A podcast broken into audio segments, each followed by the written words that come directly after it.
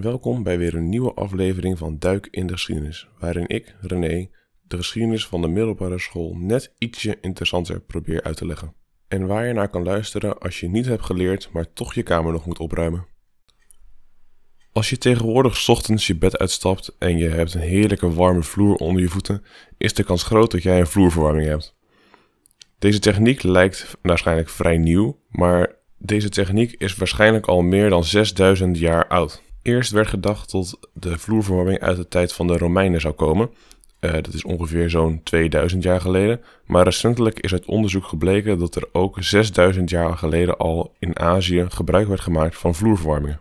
Maar omdat er vrij weinig bekend is over de vloerverwarmingen uit Azië, gaan we vandaag meer in op de vloerverwarmingen die de oude Romeinen altijd maakten. Volgens bronnen uit de Romeinse tijd werd de vloerverwarming uitgevonden door ene Saius Gergius Rata. Dit was een oesterkweker die origineel uit Rome kwam, maar als hobby naast het oesterkweken ging hij ook goudvissen kweken. Hij legde hier speciale vijvers voor aan, maar hij had altijd één groot probleem. Hij kon de temperatuur van het water niet goed gelijkmatig verwarmen. Hij heeft hier het volgende opbedacht en je ziet hem waarschijnlijk wel aankomen. Dit was het begin van de vloerverwarming.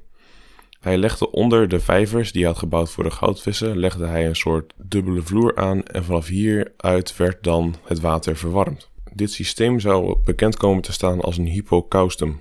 Is een vrij lastige naam, dus je kan het eigenlijk gewoon onthouden als Romeinse vloerverwarming.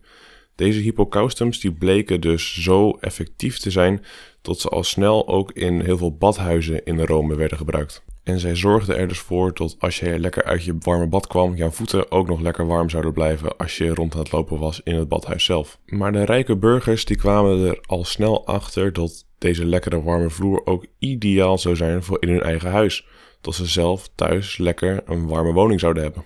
En dit gebeurde dus toen ook. Heel veel rijke Romeinen hebben vloerverwarmingen in hun huis laten bouwen en het verspreidde zich in enkele tientallen jaren door het hele Romeinse Rijk heen.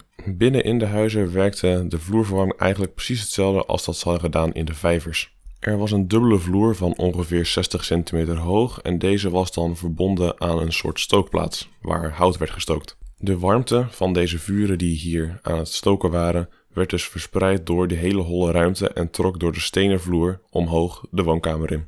Een groot voordeel vergeleken met normale open haarden in huizen was dat dit systeem ervoor zorgde dat je geen rook en as in je woonkamer kreeg. De vloeren waar je op liep en waar de warmte dus doorheen kwam, die waren compleet rook- en waterdicht. Door deze voordelen zie je eigenlijk dat de vloerverwarming in het Romeinse Rijk nog eeuwenlang werd gebruikt.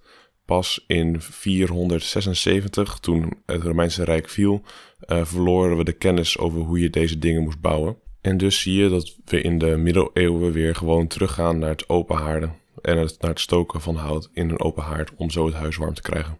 Pas in het eind van de 19e eeuw, begin 20e eeuw, dat was eind 1800, begin 1900, zijn de wetenschappers er weer achter gekomen hoe zij vloerverwarmingen moesten maken. In dit geval gaat het echter alleen vaak door warm water door buizen in de vloer te laten lopen. Maar ook kreeg je later elektrische vloerverwarmingen die tegenwoordig veel gebruikt worden. Ik vind het daarom al wel leuk om te bedenken dat iets wat 2000 jaar geleden al is uitgevonden door de Romeinen, tot het daarna nog, nog eens duizend jaar duurde voordat wij met onze veel nieuwere technieken er ook weer achter kwamen hoe we ditzelfde moesten doen. En als je wat meer naar de Romeinse of de Griekse tijd gaat kijken, dan kom je erachter dat het heel vaak voorkwam. De Grieken of de Romeinen die bedachten iets, toen viel het Romeinse of het Griekse Rijk en daarna is de kennis verloren geraakt in de middeleeuwen.